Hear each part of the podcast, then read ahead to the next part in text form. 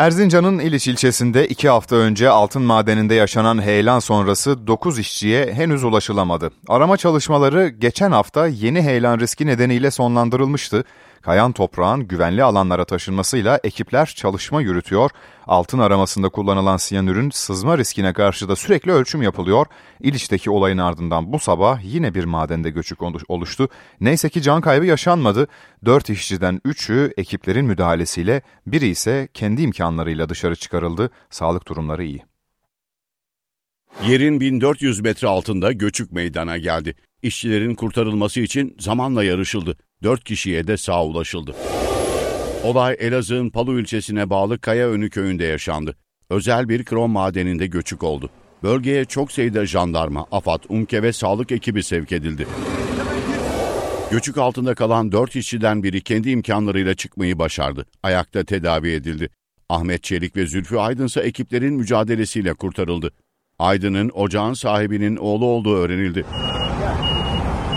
Arama kurtarma faaliyetleri son işçi Yunus Akgün için aralıksız devam etti. Aygün'le ses irtibatı kuruldu. 24 kişilik ekip kısa süre içinde ona da ulaştı. Göçükten çıkarılan işçi tedavi altına alındı. Hastaneye sevk edilen yaralıların hayati tehlikesi yok. Olaya ilişkin Çalışma ve Sosyal Güvenlik Bakanı Vedat Işıkhan sosyal medya hesabından açıklama yaptı. Bakan Işıkhan yaşanan kazayı araştırmak üzere bakanlığımıza bağlı baş müfettiş görevlendirilmiş olup gerekli incelemeler yapılacaktır. Bakanlığımız olarak süreci yakından takip ediyoruz dedi. Aynı köyde daha önce de maden kazaları oldu. 2021 yılında yine özel bir krom madeninde asansör olarak kullanılan vagonun demiri koptu. 25 metreden düşen iki işçi hayatını kaybetti. Geçen yılda farklı bir krom madeninde patlama meydana geldi. Göçük altında kalan iki işçiden biri hayatını kaybetti. Marmara Denizi'nde 15 Şubat'ta batan kargo gemisinin kayıp 4 personelini arama çalışması sürüyor. 21 dalgıç batan gemiye bir dalış daha gerçekleştirdi. Kayıplara ulaşılamadı ama bazı eşyalar bulundu. Bursa'da batan gemideki 4 denizciyi arama çalışmaları 21 dalgıç ve 630 personelle sürüyor. Batuhan A adlı mermer tozu taşıyan ve 6 personeli bulunan kargo gemisi 15 Şubat'ta Bursa Karacabey ilçesi açıklarında su alarak batmıştı. Arama çalışmalarında gemi mürettebatından aşçı Zeynep Kılınç'la yağcı olarak görev yapan Hüseyin Tutuk'un cansız bedenlerine ulaşıldı. Deniz, hava ve karadan sürdürülen çalışmalarda kayıp 4 denizci bulunamadı. 21 dalgıç Nene Hatun gemisinden 51 metre derinlikte tespit edilen batığa dalış gerçekleştiriyor. Şimdiye kadar geminin makine dairesi, kaptan köşkü, güverte ve kameraları birkaç kez tarandı. Ancak bir sonuca ulaşılamadı. Gemi enkazında ve su yüzeyindeki aramalarda ise mürettebata ait olduğu değerlendirilen cüzdan, ayakkabı, kıyafet ve bir battaniye bulundu. Bulunan eşyanın kime ait olduğu inceleme sonucu belirlenecek. Kayıp mürettebatın kıyıya sürüklenme ihtimaline karşı Bursa'nın Gemlik ilçesinden Balıkesir'in Bandırma ilçesine kadar olan sahil şeridi de taranıyor. Futbol dünyasının ünlü isimlerinin dolandırıldığı milyonlarca liralık gizli fon davasında mahkemeye yeni bilirkişi raporu ulaştı. O raporda davanın tutuklu sanığı eski banka müdürü Seçil Erzan'ın internetteki aramalarına yer verildi. Buna göre Erzan intihar etmeyi veya yurt dışına kaçmayı düşünüyordu. Senden çok rica ediyorum. Onların senetlerine ilgili lütfen hiçbir şey yapma. Hangi ilaç öldürür? Türkiye'ye suçlu iadesi olmayan ülkeler, suçlu iade etmeyen ülkeler, intihar çeşitleri. İnternet üzerinden yapılan bu aramalar, yüksek karlı gizli fon dolandırıcılığı davasının tutuklu sanığı Seçil Erzan'a ait. Mahkemeye sunulan yeni bilirkişi dosyasında bir bankanın eski şube müdürü olan Erzan'ın internet arama motorlarındaki geçmişine yer verildi. Öte yandan sanığın ajandasında bazı müştekilerle Hoca ve FT isminin yazılı olduğu kişilere ilişkin yaptığı ödeme kayıtları ve senetlerin bulunduğu fotoğraflar belgelendi. 7 Nisan 2023'te müşteki Volkan Bahçekapılı ile sanık Erzan arasında gerçekleşen konuşmaların devamında ise Bahçekapılı'nın Erzan'a sen ne kadar yalancı bir kadınmışsın, şimdi hocayı arıyorum dediği belirlendi. Raporda ayrıca Ali Yörük ve Atilla Yörük'ün telefon değiştirme ya da sıfırlama işlemlerini anlaşıp birlikte yapmış olabilecekleri değerlendirildi. İki sanığın soruşturmanın başladığı tarihlerde yazılan haberlerin sayfalarını birbirlerine yolladığı da görüldü. Toplam 7 sanığın yargılandığı davada Seçil Erzan'ın 252 yıla kadar hapsi isteniyor. Eski milli futbolcular Emre Belözoğlu, Arda Turan, Fernando Muslera ile Fatih Terim'in kızı Buse Terim Bahçekapılı müştekiler arasında. Altın yeni haftaya da yükselişle başladı. Gram altın 2035 lirayı geçerken ons altın 2040 dolara kadar çıktı. Peki altın neden yükseliyor? 2024 yılı genelinde ivmesi ne olur? Ekonomist Filiz Er Yılmaz yanıtladı. Bu yıl altın yılı olacak ama başta Fed olmak üzere son dönemde merkez bankalarının erken faiz indirmeyeceğiz mesajlarıyla bu yükselişin tarihinin bir miktar daha ötelendiğini söyleyebiliriz. Fakat geri çekimi olsa da ben yine de 2000 dolar üzerine çıkıp orada tutunacak bir altın beklerim. Özellikle faiz indirimleri daha gelmeden beklentileri satın almaya başlayacağı için piyasa yükselişlerin daha belirgin olacağı kanaatindeyim. Geçtiğimiz hafta Cuma günü 2038 lirayla rekor kıran gram altınsa yeni haftaya rekor tazeleyerek başladı. Spot altındaki yükseliş ve kurdaki hareketlilik gram altını desteklemeye devam ediyor. Yılın ikinci yarısında hem ons altın tarafında hem gram altın tarafında biz güçlü yükselişleri görürüz. Yaklaşık gram altın her ay %2-2,5 civarında dolar TL'den destek aldığı bir süreç olur ama özellikle yaz aylarında düğün sezonunun başlamasıyla birlikte orada 2500-2700 seviyelerini göreceğimizi, yılın ikinci yarısında da yıl sonunda 3000 e, TL'lere kadar e, yükselişin gündemde olabileceği kanaatindeyim. Ramazana 2 hafta kala pide fiyatları belli oldu. Bu yıl 250 gram pide 15 liradan, 300 gram pide 18 liradan satılacak. Yeni fiyatları Türkiye Fırıncılar Federasyonu Başkanı Halil İbrahim Balcı duyurdu. Geçen sene un fiyatı 380 liradan bu sene 800 lira bandına çıkmış. Undaki artışın %110 olduğunu görüyoruz. İşçilikteki artışın %120 olduğunu görüyoruz. Giderlerimize baktığımızda %80 artışı vatandaşlarımızın da makul karşılayacağını ümit ediyorum. Türkiye Fırıncılar Federasyonu Başkanı Halil İbrahim Balcı, pidenin kilogram fiyatının ise 60 lira olarak belirlendiğini söyledi. %80 küsür 83 civarında bir zam oluyor geçen seneye nazaran. Her geçen sene artıyor. Zorlar tabii hepimiz emekliyiz sonuçta. Hadi ben bir kişiyim bir tane alıyorum ama 10 kişilik aile var. Günde 10 tane ekmek alan var pide alan var. Onlar ne yapacak? Bağcı ekmeğe de zam gelecek bir sorusuna ise gündemimizde şu an fiyat değişikliği yok yanıtını verdi. Çalışma hayatının gündemi çalışma süreleri. Avrupa'da giderek yaygınlaşan haftalık 35 saatlik çalışma süresinin Türkiye'de de uygulanmasını işçi sendikaları artık daha güçlü dile getiriyor. Peki bu mümkün mü? Bu konuda bir hazırlık var mı?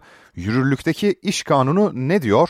Milyonların merak ettiği soruları NTV Radyo'da İşten Güçten programını hazırlayan Profesör Cem Kılıç'a soracağız. Sayın Kılıç merhaba yayınımıza hoş geldiniz. Merhabalar, hoş bulduk. Önce şöyle başlayalım. Çalışma sürelerinin düşürülmesiyle ilgili bakanlık kaynakları ne diyor? Bu konu gündemde mi? Eğer olursa kaç saate düşürülür? Ee, şöyle ifade edeyim. Bu zaten e, bakanlıkta son e, bir haftadır sıklıkla vurguluyor. Bu konuda yapılmış ya da yapılacak olan herhangi bir çalışma bulunmuyor. Bir defa bunun altını çizelim. Böyle bir çalışma söz konusu değil. E, niye bu konu peki ön plana çıktı? Bu daha önce e, bakan zamanında Sayın Vedat Bilgin zamanında bir e, toplantıda yapılmış e, bir diyaloğa e, resmen atıf yapılarak ortaya çıkarıldı.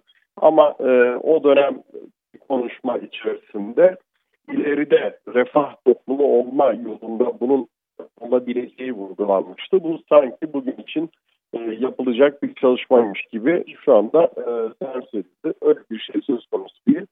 E, şu anki Sayın Bakan Işıkhan da zaten bu konuda gerekli açıklamaları yaptı. E, bu yönde herhangi bir çalışmanın bulunmadığını belirtti. Evet, e, çalışma süreleri çalışma yaşamının önemli konularından bir tanesidir. E, gelişmiş ülkelerde, e, özellikle e, refah toplumlarında artık bu bizim klasik iş gücü piyasası içerisinde boş zaman e, tercihinin artması şeklinde ortaya çıkmaktadır eğilim. E, nitekim e, bir takım kıta Avrupası ülkelerde de yine Avrupa Birliği müktesebatına uygun olarak ilgili uygun olarak e, çalışma sürelerinde düşme sağlanmıştır. Tabii bu düşmeler e, aslında e, yasal süreçte ortaya çıkmamıştır. Hemen onu söyleyelim. Şu anda halen daha e, Avrupa Birliği özellikle Avrupa Birliği ülkelerini konuşacak olursak hepsinde 40 saat ya da 48 saat olarak AB 2003 yılı direktifine uygun olarak resmi çalışma süreleri var. Bunlar kaldırılmadı. Fakat tarafların kendi iradeleriyle yani toplu iş sözleşmeleriyle ya da işçi ve işveren anlaşmasıyla daha düşük sürelere doğru gidildiği ortaya konuldu. Bu da özellikle bizim e, hem İBA hem AB nezdinde fiili çalışma olarak değerlendirdiğimiz haftalık ortalama fiili çalışma sürelerinde anlaşılıyor. E, keza yasal düzenleme yapanlar da var. Mesela Fransa'da 35 saatinde ama diğer düzenlemeler biraz önce de ifade ettiğim gibi işçi ve işveren arasında karşılıklı anlaşmalara dayalı. E, bizde 45 saat biliyorsunuz haftalık çalışma süresi. Mesela Sayın Kılıç konu... çok özür dileyerek araya girmek istiyorum. E, seste bir miktar bir problem yaşıyoruz. E, zannediyorum evet. hatlarla alakalı bir durum var. E, dilerseniz bağlantıyı tekrar kurmayı deneyelim. Biz bu arada haberlerimize devam edelim. Tamam. Sonra bağlantıyı tekrar kurabilirsek e, sizinle tekrar görüşelim. Çok teşekkürler. Tamam. Diğer gelişmelerle devam edelim. Avrupa'nın gündemi haftalardır çiftçi eylemleri, toprakla uğraşan yüzlerce kişi bugün yine birliğin kalbi Brüksel'de buluştu. Lastikler, saman balyaları ateşe verildi. Taleplerini AB ülkelerinin tarım bakanlarına duyurmaya çalıştılar. Peki ne istiyorlar? Hükümetler nasıl yaklaşıyor? Brüksel'den Güldener Sonumut anlattı.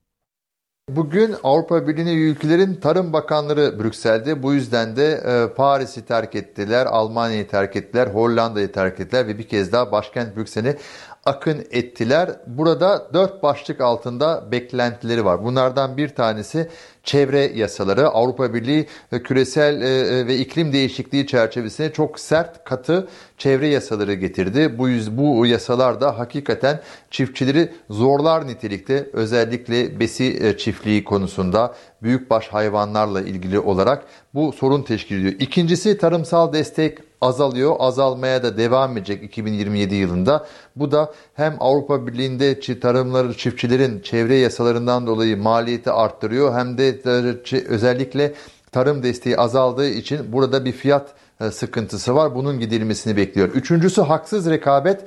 Avrupa Birliği'nin e, özellikle Yeni Zelanda, Avustralya, Brezilya ya da Arjantin gibi ülkelerle imzalamış olduğu serbest ticaret anlaşmaları var. Buradaki ürünler AB standartlarında üretilmiyor ama AB pazarına girebiliyorlar. Hatta daha ucuzlar ve dördüncüsü de bürokratik engel. Bugün Tarım Bakanları bir taraftan biraz desteği, çiftçilere yönelik mali desteği yönelik olarak bir çözüm bulmaya çalışacaklar. Diğer yandan da e, bürokratik engelin azaltılması için ne gibi adımların atılabileceği konusunu değerlendirecekler. Kuşkusuz en önemli konuda üçüncü ülkelerden yapılacak olan ve haksız rekabete neden olduğu ifade edilen e, Ukrayna'dan buğday, Ukrayna'dan tavuk ya da Arjantin'den et gibi konularla ilgili olarak buna bir, bir, bir çerçeve, bir sınırlama getirebilir mi? Asıl nokta bu. Eğer bu konuda Tarım Bakanları bir çözüm bulursa çiftçiler biraz olsun e, dinecek. Bu gösteriler sona erebilir ya da ötelenebilir. Olmadığı takdirde bu gösterilerin artarak devam etmesi bekleniyor maalesef. NTV temsilcisi Güldener Sonumut'un notlarını dinledik. Uluslararası Adalet Divanı'nda Gazze gündemiyle ilgili önemli bir duruşma vardı. İsrail'in Filistin'i işgalinin hukuki sonuçlarına dair duruşmada Türkiye sunum yaptı. Dışişleri Bakan Yardımcısı Ahmet Yıldız, İsrail uluslararası hukuku ihlal ediyor dedi. İsrail-Filistin çatışması 7 Ekim'de başlamış değildir. Doğu Kudüs dahil olmak üzere bu topraklar işgal altında. Filistinlilerin topraklarını kullanma hakkı, yaşam ve geçim hakkı ellerinden alınmıştır. İsrail'in her türlü tek taraflı adımı ve işgal edilen toprakların statüsünü değiştirme çabaları uluslararası hukukun ihlalidir. Koşulsuz şekilde derhal sona erdirilmelidir. Türkiye heyeti Uluslararası Adalet Divanı'na seslendi. İsrail'in uluslararası hukuk ihlallerine dur denmeli diye konuşan Dışişleri Bakan Yardımcısı Ahmet Yıldız, Gazze'de ateşkes ve iki devletli çözüm çağrısı yaptı.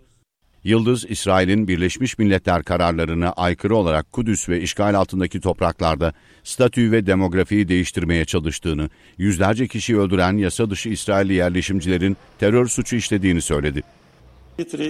Türkiye Cumhuriyeti Adalet Divanı'ndan İsrail'in Kudüs dahil işgal altındaki Filistin topraklarındaki fiillerinin uluslararası hukuka aykırı olduğunun ilan edilmesini talep etmektedir. 7 Ekim'den beri Gazze'yi vuran İsrail'in Filistin halkına yönelik toplu cezalandırma yaptığını söyleyen Yıldız, sorumlular hesap vermeli diye konuştu. Türkiye'nin yanı sıra bir haftalık süreçte 51 ülke ve 3 uluslararası örgüt de Adalet Divanı heyetine sunumlarda bulundu. 15 yargıçtan oluşan heyet yargılama sonrasında Birleşmiş Milletler'e İsrail işgali, Yahudi yerleşimleri ve ilhakla ilgili tavsiye niteliğinde görüş bildirecek. Birleşmiş Milletler 1967'den bu yana Batı Şeria, Gazze ve Doğu Kudüs'ü işgal altındaki topraklar olarak niteliyor.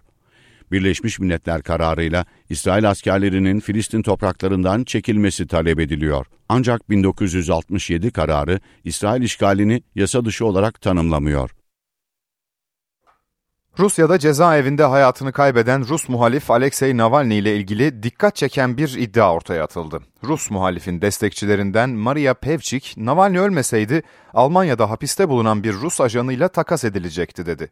İddiaya göre Rus gizli servisi ajanına karşılık takasta Rusya'dan Navalny ve iki Amerikalı serbest bırakılacaktı.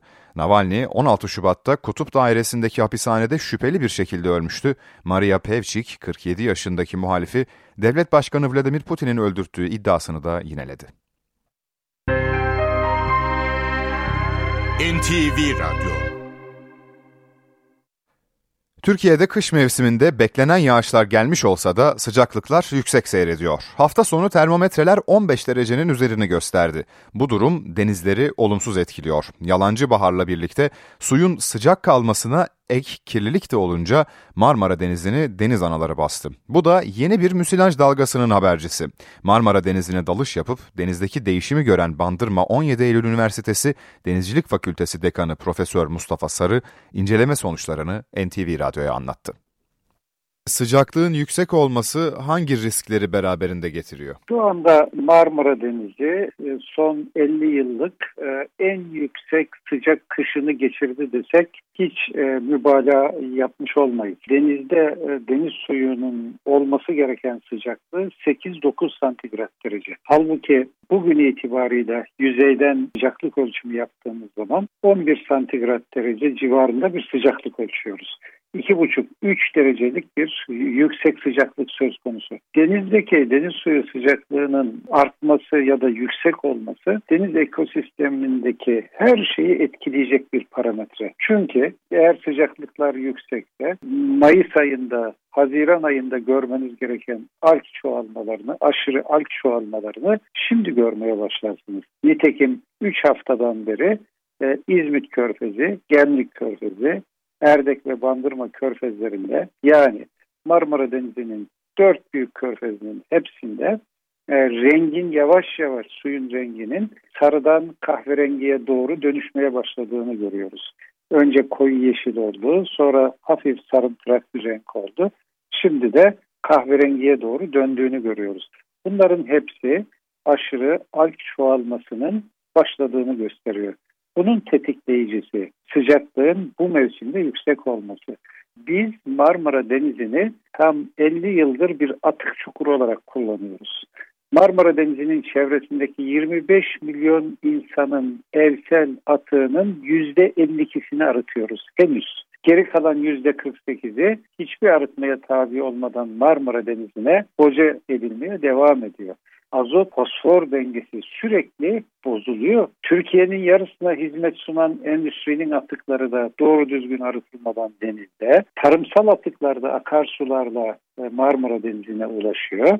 Yani olması gerekenin çok üstünde besleyici tuz dediğimiz, besleyici elementler dediğimiz azot, fosfor denize boca edilmiş oluyor. Ve bu kadar yüksek azot ve fosfor yükü olduğunda su sıcaklıkları da yüksekse plankton dediğimiz mikroskobik bitkicikler hayvancıklarında sayısı artmaya başlıyor. Müsilaj tehlikesi şu anda ne durumda Mustafa Bey? Olup olmayacağını anlamak için müsilajla ilgili yanlış kanımızdan bir vazgeçmemiz gerekiyor.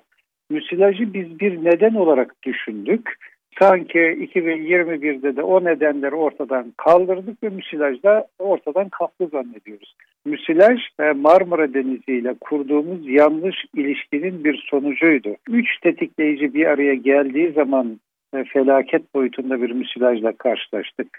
Birincisi deniz yüzeyi sıcaklıklarındaki ortalamanın üstündeki artışlardı. Bugün var mı? Evet var. İkincisi Marmara Denizi'nin orijinal yapısı ikili akıntı sistemi. Üstte Karadeniz suyu, altta Akdeniz suyu var ve bu ikili su yapısı dikey karışımları engelliyor. Bu devam ediyor mu? Evet Marmara Denizi'nin orijinal yapısı devam ediyor. Üçüncüsü azot fosfor yükünün olağandan ortalamadan yüksek olması yani kirliliğin yüksek olması devam ediyor mu? Evet devam ediyor. O zaman soruyu şöyle soralım. Nedenler ortadan kalkmadığı halde sonuç değişir mi? Müsilajın tetikleyicileri bunlarsa, bunlar halen devredeyse yeni bir müsilaj oluşumu mümkün mü? Evet mümkün. 25-30 metre derinlikte ne gördünüz Mustafa Bey? Oradaki oksijen seviyesi bir de en son ekosistem dediniz. Ekosistem, balıklar nasıl etkilenmiş durumda? Ne gördünüz? Ne dersiniz? Şu anda görüş çok düşük. En son yaptığım dalışla ilgili bilgi vereyim. Görüş çok düşük. Görüş 3-4 metre civarında. Bu alk aşırı alk çoğalmasının yoğunlaştığını gösteriyor zaten rengin değişmesinden de. Dış batıyla da bunu görebiliyoruz. Diplerdeki 30 metreye indiğimiz zaman Akdeniz suyu var. Oradaki su sıcaklığı 14,5-15 santigrat derece civarında. Yüzeyden daha sıcak Marmara Denizi'nin dip suyu sıcaklığı aşağı yukarı yıl boyunca bu düzeyde seyreder, sabittir. 25-30 e, metrelerde e, oksijen seviyesinde bariz bir anlık düşüşten bahsedemeyiz ama müsilajdan itibaren oksijen eksikliği çeken bölgelerin sürekli yüzeye doğru yaklaştığını görüyoruz. Derinlerdeki oksijenin azalması yüzünden derinlerde yaşayıp dağılım gösteren köpek balığı, vatoz gibi bazı türlerin e, kıyısal sığ alanlara doğru daha yoğun şekilde geldiklerini bize gösterdi araştırmalar. Dolayısıyla balıkçıların ağlarında çok yoğun şekilde vatoz ve köpek balığının çıkmasının arkasında diplerde yaşanan oksijen azlığının da etkisinin olduğunu görebiliyoruz. Marmara Denizi ekosistemini müsilaj çok negatif etkiledi. İşte balık türlerini, mercan türlerini, yumuşakçaları, e, çok etkiledi. Bunların e, etkisini azaltmak için deniz ekosistemine yardım eden, denizi temizleyen organizmaları desteklememiz gerekiyor. Bir taraftan atık yükünü azaltırken bir taraftan denizin doğal arıtma sistemini güçlendirmemiz, deniz ekosisteminin restorasyonuna katkı sağlamamız gerekiyor. Profesör Mustafa Sarı NTV Radyo'nun sorularını yanıtladı. Şimdi bültene haber turuyla devam ediyoruz.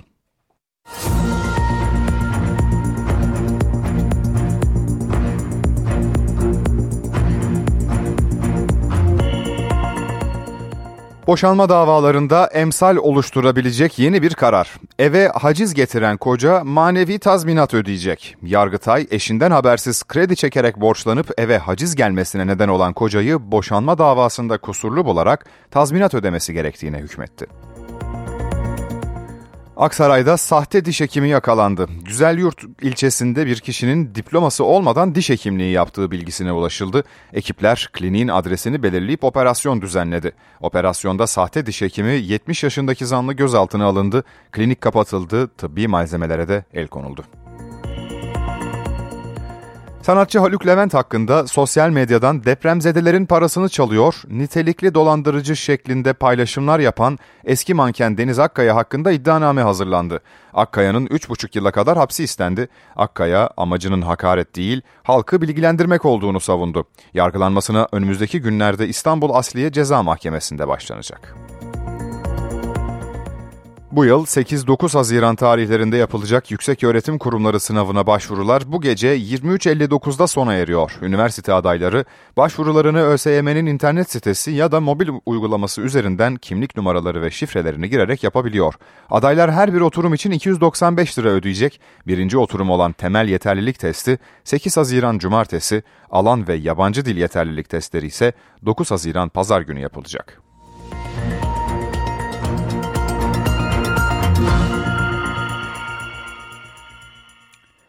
Bu bölümü bir ödül haberiyle noktalayalım. İstanbul Modern'in yeni müze binası dünyanın önde gelen mimarlık platformlarından biri tarafından yılın binası ödülüne layık görüldü.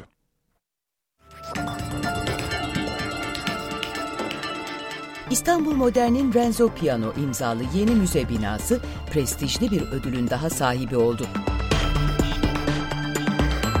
Galata Port içindeki müze, dünyanın önde gelen mimarlık platformlarından Archdale'nin kültürel mimari kategorisinde yılın binası ödülüne layık görüldü. Dünya çapındaki müzelerle kültür sanat kurumlarına odaklanan kültürel mimari kategorisi, o yıl inşa edilen en dikkat çekici yapıları kapsıyor. 15 kategoride verilen ödüller aday olan projelerin barındırdığı niteliklere ve bulundukları konumdaki topluluğa nasıl yarar sağladığına göre platformun okuyucuları tarafından belirleniyor. Kurucu sponsoru Eczacıbaşı Topluluğu ve ana sponsoru Doğuş Grubu Bilgili Holding'in ortak katkısıyla inşa edilen İstanbul Modern'in yeni binası, daha önce de Architectural Digest'in 2024'ün harika eserleri listesine seçilmiş, National Geographic'in ise dünyanın en iyileri sıralamasında yer almıştı.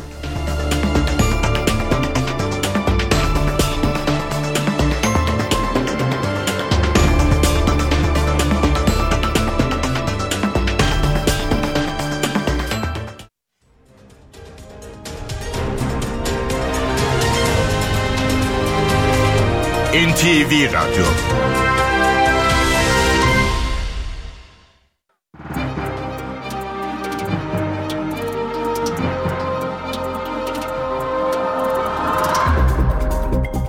Borsa İstanbul Yüz Endeksi 9371 seviyelerinde. Dolar 31.12, Euro 33.81'den işlem görüyor. Euro dolar paritesi 1.08.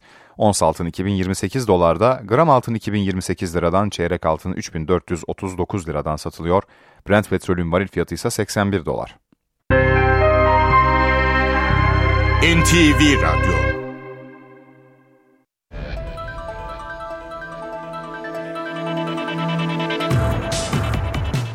Galatasaraylı Mauro Icardi'nin cezası belli oldu. Arjantinli futbolcu bu akşam Antalya spor maçında oynayamayacak. PFDK Icardi'ye Ankara gücü maçında rakip takım taraftarlarına yönelik hareketi nedeniyle bir maç men ve 19.500 lira para cezası verdi. Icardi 2 ila 5 maç men cezası öngören 41. maddeden sevk edildi. Ancak haksız tahrik olduğu gerekçesiyle ceza bir maç olarak açıklandı. Buna göre yıldız oyuncu bu akşam oynanacak Antalya spor maçında forma giyemeyecek. Icardi 3 Mart pazar günü oynanacak Beşiktaş derbisinde ise sahada olacak. Galatasaray ligde liderliğini sürdürmek istiyor. Sarı Kırmızılılar Süper Lig'in kapanışında Antalya Sporu bu akşam konuk edecek.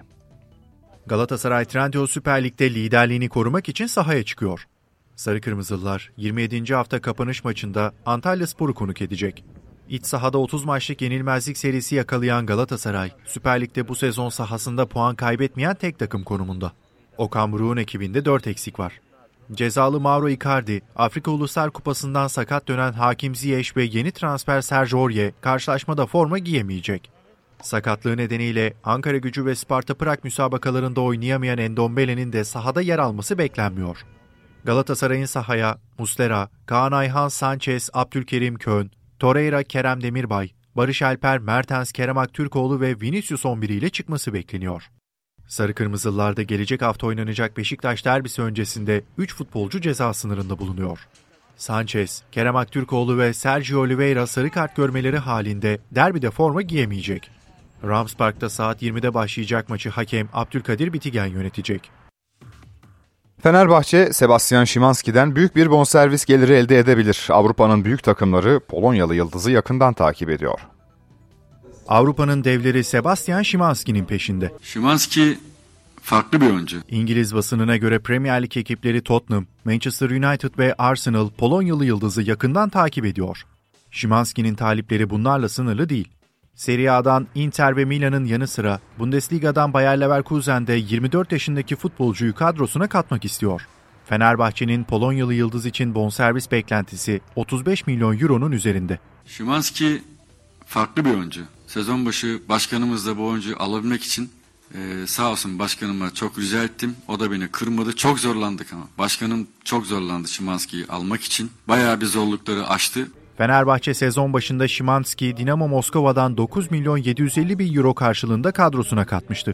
Polonyalı futbolcu bu sezon toplam 39 maçta forma giydi, 11 gol 10 asist kaydetti. İngiltere Lig Kupası'nın nefes kesen finalinde kazanan Liverpool oldu. Merseyside ekibi Chelsea'yi 1-0 yenerek kupayı 10. kez müzesine götürdü. Normal süresinde gol sesi çıkmayan maçta Liverpool'a kupayı getiren golü uzatma devrelerinin 118. dakikasında Virgil van Dijk attı. Sezon sonunda kulüpten ayrılacağını açıklayan teknik direktör Jurgen Klopp, Liverpool'un başındaki 8. kupasını kazandı. NTV Radyo Ülkede yüksek sıcaklık devam ediyor. Kurak bir hafta. İstanbul ve Bursa güneşli. Ankara ve İzmir'de hafif yağmur olabilecek. İstanbul ve Bursa 16, Ankara 15 derece. Antalya'da sabahki yağış öğleden itibaren yerini daha açık bir havaya bırakacak. Sıcaklık 18 derece. Doğu Anadolu'da hafta genelinde hava açık, don oluşuyor. Gece Erzurum eksi 8, Kars eksi 11 derece. Malatya ise öğle 11 derece. NTV Radyo Türkiye'nin haber radyosu.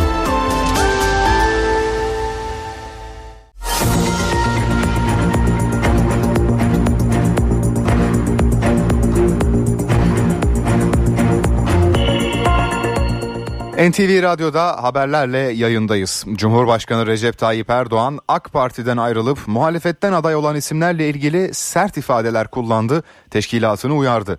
AK Parti genişletilmiş il seçim işleri toplantısında konuşan Erdoğan CHP'yi de hedef aldı.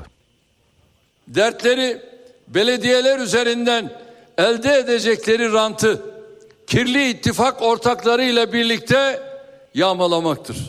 CHP bırakın olumlu yönde değişmeyi bölücülerle terör örgütü mensuplarıyla işbirliğine girecek kadar rotasını kaybetmiştir. Neyin karşılığında Kandil'le uzlaşıldığını, anlayıp pulladıkları Kandil uzlaşısı için bu noktada bölücü örgütün uzantılarına ne vaat ettiklerini kimse bilmiyor. Meydanı bu siyaset haramilerine bırakmayacağız. Milleti kandırmaya çalışan birileri yine meydanlara çıkmış görünüyor. Bunlar sokakta. Ben şu partiden adayım ama aslında gönlüm AK Parti veya Tayyip Erdoğan'dan yana diyerek insanlardan destek istiyor. Ben seçimi kazanırsam kazandıktan sonra yine AK Parti'de olacağım diyen sirk cambazlarına asla prim vermeyiniz. Bunlar sirk cambazı. Ben şimdi buradan aday oldum ama seçimden sonra yine AK Parti'ye gideceğim diyen sirk cambazlarına da aldanmayın. Muhalefet cephesine geçelim. Ana muhalefette bugün önemli toplantılar var. CHP Genel Başkanı Özgür Özel önce Merkez Yönetim Kurulu toplantısına başkanlık etti. Ardından da parti meclisi toplanacak. İyi Parti'dense bir istifa haberi var. Yerel Yönetimler Başkan Yardımcısı Cem Karakeçeli partisinden istifa etti. Karakeçeli, İyi Parti Genel Başkanı Meral Akşener'in yerel seçim stratejisini eleştirdi. Birkaç ay öncesine kadar Cumhurbaşkanı olması niyetiyle masa devrilen Ekrem İmamoğlu için gözü başka mevkilerde olanlar bu şehri yönetemez denildi. Ankara'da ise hür ve müstakil iddiası tüm siyasi yaşamını CHP'de geçirmiş bir adayla neticelendi değerlendirmesinde bulundu. Cem Karakeçeli, kaybettirmek bir siyaset biçimi değildir. Bu vesileyle partideki yerel yönetimler başkan yardımcılığı görevimden istifa ediyorum ve parti üyeliğinden ayrılıyorum dedi. Sırada İstanbul'da çocukların gösterdiği iki şiddet haberi var. Bağcılar'da 13 yaşındaki bir öğrenci kar maskesi takarak takip ettiği okul arkadaşını bıçakladı. Bacağından yaralanan öğrenci hastaneye kaldırıldı. Saldırgan çocuksa yakalandı. Diğer haber kağıthaneden bir kadının evine boşandığı eşinin çocuk yaştaki akrabası tarafından ateş açıldı. Sabah gün doğmadan eve yaklaştılar. Geldikleri aracın içinden yengelerinin evine kurşun yağdırdılar. İstanbul Kağıthane'de çocuklarıyla yaşayan Yasemin Uzunsoy'un evine ateş açıldı. İki buçuk yıl önce eşinden boşanan kadının dairesine tam sekiz kurşun isabet etti. Ben sabah mutfağa kalktım su içmeye. Tam ışığı kapattım. Yatağıma yatacakken silah sesleri duyduk. Benim büyük kızım kendini yere attı. Ondan sonra tam cama çıktım ne oluyor dedim. Oradan geçen çocuk yoldan geçen abla sizin eve sıktılar dediler. Kurşunlar evin mutfağına isabet etti. Şans eseri ölen ya da yaralanan olmadı. Büyük korku yaşayan kadın ve çocukları polisi aradı. Şikayetçi misin? Şikayetçiyim dedim. Ondan sonra polisler kim bunlar yapan dediler. Görümcemin çocukları dedim eski eşimin. Tehdidimiz de oğlumla babasını tartışması. Kısacası babasına annemle düzgün konuş kelimesi o kadar. Polis güvenlik kameralarından evi kurşunlayan kişilerin Yasemin Uzunsoy'un eski eşinin yeğenleri olduğunu tespit etti. Yakalanıp karakola götürülen iki kardeşten biri 14 yaşında çıktı. Yapılan aramada kullandığı silah da üzerinde bulundu. Adliyeye sevk edilen saldırganlar adli kontrol şartıyla serbest bırakıldı. Ancak evine ateş açılan Yasemin Ulusoy tehditlerin devam ettiğini dile getiriyor. İlk kez böyle bir şey geldi. Çocuklarım okula gidemiyor korkuda. Evine ateş açılan kadın ve çocukları emniyetten koruma talep ediyor. Son yıllarda konut fiyatlarındaki dalgalanma gündem olsa da dükkan ücretlerindeki artış çok daha fazla. Merkez Bankası ilk kez ticari gayrimenkullerdeki fiyat değişimlerini açıkladı. Buna göre dükkan fiyatları bir yılda %99 yükseldi. Merkez Bankası ticari gayrimenkul fiyat endeksini yayınlamaya başladı. İlk kez yayınlanan endekse göre ticari gayrimenkullerin fiyatı 2023 yılı son çeyreğinde yıllık %98,2 yükseldi. Türkiye genelinde dükkan fiyatları yıllık %98,9, ofis fiyatları %94,2 artış gösterdi. Aralık ayında konut fiyat endeksindeki artış yıllık %75,5 olarak gerçekleşmişti. Türkiye'nin 3 büyük ili arasında ticari gayrimenkullerin en fazla değerlendiği il %110,2 ile Ankara oldu. Ankara'da dükkan fiyatları %109,4, ofis fiyatları %103,3 yükseldi. İzmir'de ticari gayrimenkullerin fiyatlarındaki artış %110,1'i buldu. Kentte dükkan fiyatları %106,6, ofis fiyatları %125,3 arttı. Ticari gayrimenkuller İstanbul'da ise %80,9 değerlendi. İstanbul'da dükkan fiyatları %83,4 artarken ofis fiyatlarındaki artış %72,8'de kaldı. Merkez Bankası'nın ticari gayrimenkul sınıflamasına arsa, tarla, sanayi tesisi de giriyor. Veriler hazırlanırken gayrimenkul yaşı, konum, yapı kalitesi gibi değer tespitlerde de yer veriliyor. Dünyanın en güçlü pasaportları açıklandı. Ölçü vizesiz girilen ülke sayısı. Türkiye 118 ülke arasında 54. sırada yer aldı. Dünyanın en değerli pasaportları belli oldu. 2006 yılında ortalama vizesiz seyahat sayısı 58 ülkeyken bugün bu sayı 111'e kadar yükseldi. Henyan Partners pasaport endeksi verilerine göre pasaportu en güçlü ülkeler sıralaması yenilendi. 194 ülkeye vizesiz erişimle 5 yıldır listenin ilk sırasında yer alan Singapur ve Japonya'ya bu kez Fransa, Almanya, İtalya ve İspanya'da eklendi.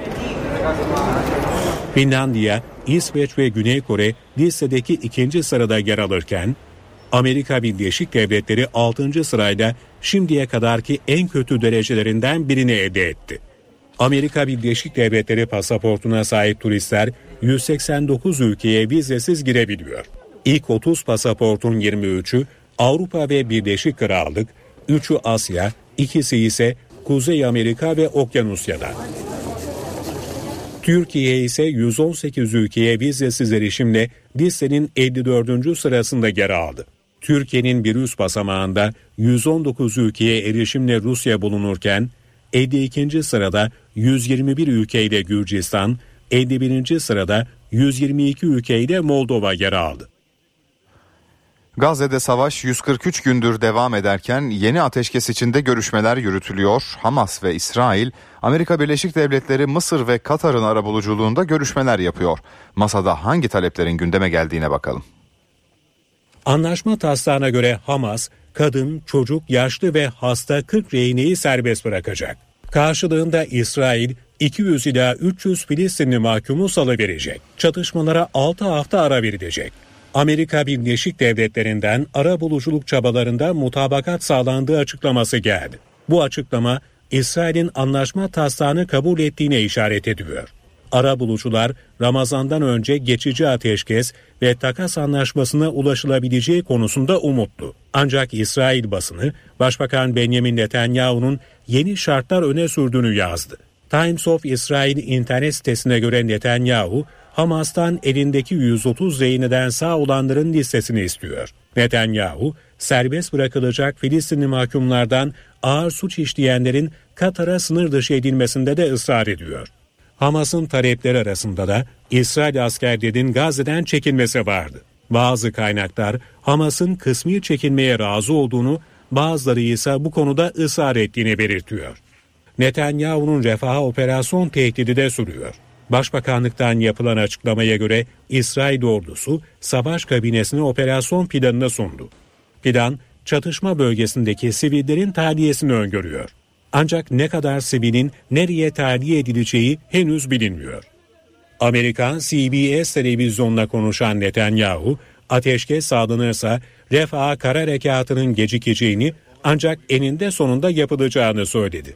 Kesin zafere çok yakın olduklarını belirten İsrail Başbakanı, aylar değil haftalar var dedi.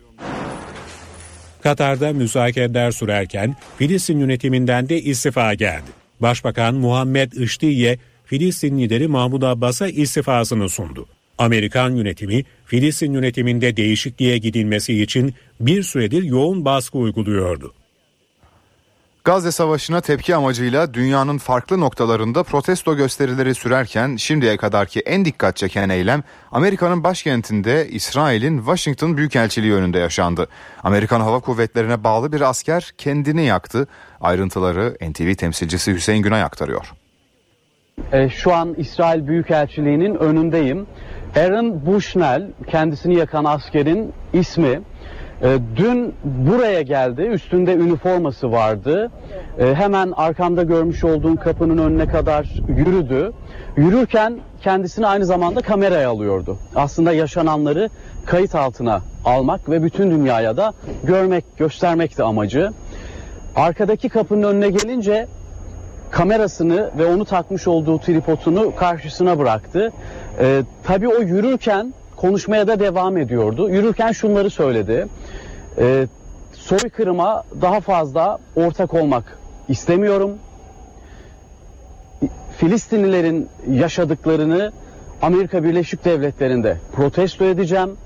Gazze'de yaşanılanlara kıyasla benim birazdan yapacağım protestonun hiçbir anlamı veya hiçbir karşılığı yok. Yani kendisini ateşe vermesinin Gazze'de yaşananlardan daha ağır olmadığını dile getirdi. E, bu sözleri söyledikten sonra e, tripodunu ve kamerasını yere bıraktı. Kapının hemen önüne geldi. Üstüne bir sıvı döktü. Benzin olabilir, yanıcı bir madde olabilir. Daha sonra kendini ateşe verdi. Biraz kendisini ateşe veren kişiden bahsedelim. 25 yaşında Amerika Birleşik Devletleri'nde e, hava kuvvetlerinde görev yapıyor. E, Washington DC'de mi görevliydi yoksa e, başka bir bölgede görevliydi ancak buraya gezmeye bu protestoyu gerçekleştirmeye mi geldi? Henüz bir bilgi yok bu noktada. Ancak adının Aaron Bushnell olduğunu artık herkes biliyor. E, Pentagon'da bir açıklama yaptı. Buradaki protestodan sonra buradaki protestodan sonra Aaron Bushnell'in e, ağır yaralı bir şekilde hastaneye kaldırıldığını belirttiler ve e, sabah saatlerinde ise askerin hayatını kaybettiğini söylediler.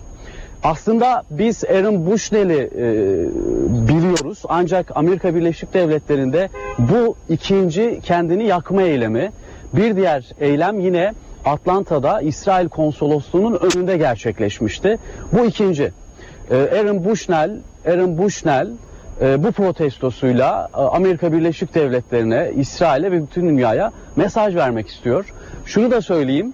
E, aslında bir gazeteci olarak Washington DC'de şu an bulunduğum noktada haber yapmakta herhangi bir sıkıntı yok ama tam karşımda yüzü tamamen kamuflajlarla kapalı İsrail Büyükelçiliği'nin e, korumaları var ve buradan gitmemi de istiyorlar. E, bu yüzden e, şu an yayını bitirmek zorundayım ancak şunu bir kez daha söyleyebilirim. Pentagon, Aaron Bushnell'in e, protestosunu e, kendi internet sitesinde verdi. Askerin hayatını kaybettiğini söyledi e, askerin ailelerin ailesinden veya arkadaşlarından henüz hiç kimse konuşmadı. Ancak öyle görünüyor ki Aaron Bushnell'in İsrail Büyükelçiliği önünde kendisini yakma protestosu bugün Amerikan e, medyasında e, birinci gündem olarak kendisine yer edecek. Burcu. NTV Washington temsilcisi Hüseyin Günay'ın notlarını dinledik. NTV Radyo Edirne'de bir baba ve oğul 2 saat arayla hayatını kaybetti. Keşan ilçesinde emekli doktor Hakan Elatan kalp krizi sonucu yaşamını yitirdi. Hastaneye giden 76 yaşındaki baba Enver Elatan yaklaşık 2 saat sonra evine gitmek için yola çıktı. Yaşlı adama Keşan Gelibolu karayolunda yolun karşısına geçerken tır çarptı, yaşamını yitirdi. Tır şoförü gözaltına alındı. Karadeniz fıkrası gibi bir haber. Giresun'da bir kişi köyüne köprü yaptırdı. Komşuları destek olmayınca yapımı tek başına üstlendi. Öcünü de köprüye kapı yaptırıp kilit vurarak aldı. Haberin sesinde bir problem yaşadık. Diğer gelişmelerle bültenimize devam edelim. Ekonomi yönetimi kredi kartı kullanımıyla ilgili çalışma yaparken son bir yıla ilişkin veriler kartla yapılan harcamaların dikkat çekici düzeyde arttığını gösterdi. Merkez Bankası verilerine göre kredi kartı kullanımı bir yıllık dönemde %150'ye yakın yükseldi. Satışımızın %70'i kredi kartı. Belli bir yere kadar zaten nakit çevirebiliyorsunuz. Ondan sonra kredi kartına dönüyorsunuz. Tüketicinin de esnafın da şikayeti aynı. Vatandaş başta gıda olmak üzere her alışverişinde kredi kartı kullanıyor. Kredi kartıyla harcamalar ve tüketici kredisi kullanımında dikkat çekici bir artış yaşanıyor. Son dönemde uygulanan sıkılaşma politikalarına rağmen Merkez Bankası verilerine göre kredi kartı harcamaları Şubat ayı ortası itibariyle geçen yılın aynı ayına göre %147,2 arttı. Taksitli kredi kartı harcamalarındaki artış oranı ise %114,8 oldu. Merkez Bankası'nın yıl sonu enflasyon tahmini %36 ama örneğin kredi kartı harcamalarına bakıyoruz. Ee, Şubat ayında yıllıklandırılmış bazda %147 artmış. İnanılmaz bir artış. Bankacılık Düzenleme ve Denetleme Kurumu verilerine göre ise tüketici kredisindeki büyüme de 6 ayın zirvesine ulaştı. Hem tüketici kredilerindeki büyüme hızı hem de kredi kartı harcamalarındaki artış hızı hem şu anki mevcut enflasyonun hem de beklenen enflasyonun çok üzerinde. Az önce yayınlayamadığımız habere geri dönelim. Giresun'da bir kişi köyüne köprü yaptırdı. Komşuları destek olmayınca yapımı tek başına üstlendi. Öcünü de köprüye kapı yaptırıp kilit vurarak aldı. Karadeniz işte inadı diyoruz da burada ne doğuyor? Yardımlaşmamak. Bir kişi bir kişinin sırtından geçinmeye çalışırsa ne olur? Olmaz. Giresun'un Bozat köyünde yaşayan Hurşit Gürsoy 15 yıl önce köye köprü yaptırdı. Köprüyü yaptırırken kendi imkanlarını kullandı. Ne komşuları ne de arazi sahibi destek oldu. O da bunun üzerine köprüye demir kapı taktı. Sadece kendi kullanımını açtı. Burayı kendisi için yaptırdı. Ve de çevre de buradan yaralansın diye diğer komşular. Ama onlar yardım etmediği için onun da zoruna gitti. Ve de kapıyı taktı. Halit Gürsoy birkaç yıl önce hayatını kaybetti. Ancak çocukları köprüyü hala kilitli tutuyor. Komşuları da onunla ilgili bu anıyı gülümseyerek hatırlıyor. Yani sağından solundan geçiyorlardı burada bazen. Daha geçmeye kapatmışlar yani daha vatandaşa. Ramazana 2 hafta kala pide fiyatları belli oldu. Bu yıl 250 gram pide 15 liradan 300 gram pide ise 18 liradan satılacak. Yeni fiyatları Türkiye Fırıncılar Federasyonu Başkanı Halil İbrahim Balcı duyurdu. Geçen sene un fiyatı 380 liradan bu sene 800 lira bandına çıkmış. Undaki artışın %110 olduğunu görüyoruz. İşçilikteki artışın %120 olduğunu görüyoruz. Giderlerimize baktığımızda %80 artışı vatandaşlarımızın da makul karşılayacağını ümit ediyorum. Türkiye Fırıncılar Federasyonu Başkanı Halil İbrahim Balcı, pidenin kilogram fiyatının ise 60 lira olarak belirlendiğini söyledi. %80 küsür 83 civarında bir zam oluyor geçen seneye nazaran. Her geçen sene artıyor. Zorlar tabii hepimiz emekliyiz sonuçta. Hadi ben bir kişiyim bir tane alıyorum ama 10 kişilik aile var. Günde 10 tane ekmek alan var pide alan var. Onlar ne yapacak? Balcı ekmeğe de zam gelecek mi sorusuna ise gündemimizde şu an fiyat değişikliği yok yanıtını verdi. Avrupalı çiftçilerin öfkesi dinmiyor. Yüzlerce çiftçi bir kez daha Belçika'nın başkenti Brüksel'de eylem yaptı, saman ve lastikleri ateşe verdi. O sırada AB Tarım Bakanları toplantı halindeydi. Dışarıda çiftçiler polisle çatışıyor. İçeride ise Tarım Bakanları Avrupa Birliği politikalarını gözden geçiriyor.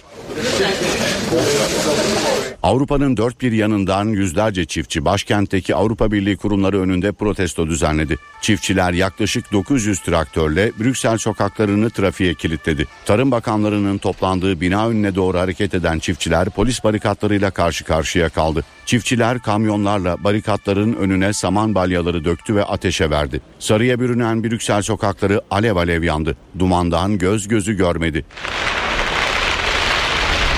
Çok sayıda lastiği de ateşe veren çiftçilere polis müdahale etti. Belçika polisi tazikli suyla karşılık verdi. Alevler söndürülse de çatışmalar durmadı. Bazı çiftçiler polise şişelerle saldırdı. Yalnızca Brüksel değil İspanya'nın başkenti Madrid'de çiftçilerin protesto gösterisine sahne oldu.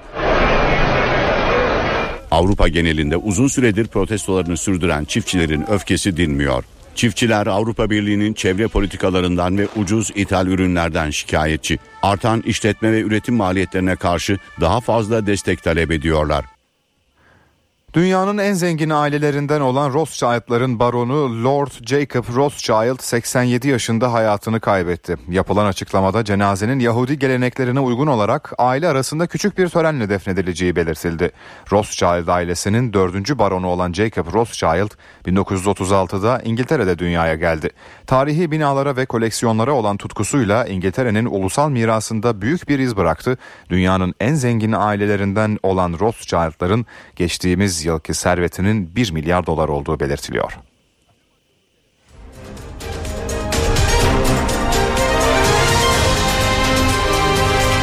NTV Radyo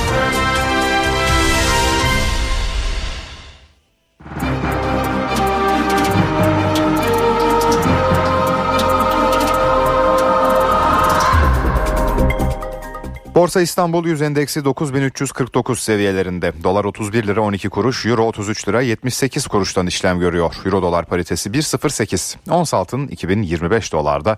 Kapalı çarşıda gram altın 2028 liradan, çeyrek altın 3439 liradan satılıyor. Brent petrolün varil fiyatı ise 82 dolar.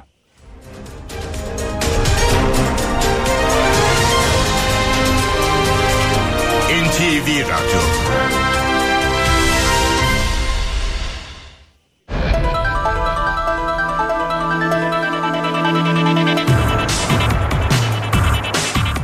Süper Lig'de 27. haftanın kapanışında Galatasaray Biteksen Antalya Spor'u ağırlayacak. Sarı Kırmızılılar'da Mauro Icardi cezalı. Maç öncesi iki takımdan son bilgileri Gürkan Ak'tan alacağız. Galatasaray bu akşam Antalya Spor'la kritik bir mücadeleye çıkacak. Ee, Süper Lig'de ikinci sırada maç eksiğiyle yer alıyor Sarı Kırmızılar ve Süper Lig'de sahasında çıktığı son 30 maçta mağlup olmayan bir Galatasaray görüyoruz. Bu istatistiği devam ettirip aynı zamanda Fenerbahçe'den liderlik koltuğunu geri almak için kazanmak zorunda Sarı Kırmızılar. Tabii bu sezon son 14 maçtır yenilmediğini de belirtelim Süper Lig'de Galatasaray'ın yine bu istatistiğinde e, devamı hiç kuşkusuz teknik heyet tarafından hedeflenen bir diğer konu. Bu mücadele öncesinde Ziyech, Aurier ve Endombele'nin e, eksik olduğunu aktaralım. Bir de e, sıcak gelişme olarak Mauro Icardi e, Ankara gücü karşılaşmasında yaptığı hareket nedeniyle Profesyonel Spor Disiplin Kurulu'na sevk edilmişti. E, bir maçlık bir ceza verildi kendisine ve tahkim kurulu tarafından bu ceza onandı. Bu akşam e, Antalya Spor karşısında forma giyemeyecek. Mauro Icardi de yine eksiklerden biri olarak göze çarpıyor. Bu eksikler ışığında nasıl bir muhtemel 11 olabilir onu aktaralım. Kalede Muslera, sağ bekte Barış, sol bekte Kön, stoperde Sanchez, Abdülkerim ikilisi. Dörtlünün önünde Torreira, Kerem Demirbay, sağ kanat Tete, solda Kerem Aktürkoğlu. Forvet arkasında Mertens, ileri uçta Zaha 11 ile e, Okan Buruk'un takımını sahaya sürmesini bekliyoruz. Burada Zaha yerinde yine Vinicius tercihi de e, Okan Buruk'un seçenekleri arasında yer alıyor. Bunu da aktaralım. Tabii bir Beşiktaş derbisi var Galatasaray'ın sırada Süper Lig'de. Dolayısıyla ceza sınırında olan isimler de var. Kerem Aktürkoğlu, Sanchez ve Sergio Oliveira sarı kart ceza sınırında bulunuyor Galatasaray'da. Bu da yine bu akşamki mücadelenin önemli notlarından bir tanesi. konuk ekibe baktığımızda e, Antalya Spor 26 mücadele 8 galibiyet 11 beraberlik ve 7 mağlubiyetle 35 puan topladı. Haftaya 7. sıradan giriş yaptılar. E, Sergen Yalçın'ın ekibi buradan e, en az bir puanla dönmeyi hedefliyor. Onlar da karşılaşmaya iyi hazırlandı. E, Galatasaray karşısında e, en azından favori olan Galatasaray karşısında bir sürpriz yapma peşinde olacaklar. Saat 20'de başlayacak bir mücadele. Taraftarın yine e, ilgisinin olduğunu belirtelim karşılaşmaya. E, büyük oranda dolu tribünler önünde oynanacak mücadele ve karşılaşmanın hakemi ise Abdülkadir Bitigen. Galatasaray Antalya spor maçının ayrıntılarını Gürkan Ak aktardı. Beşiktaş üçüncülük yarışında Trabzonspor'u takibini sürdürdü. Siyah beyazlılar 27. hafta maçında İstanbulspor'u 2-0 mağlup etti.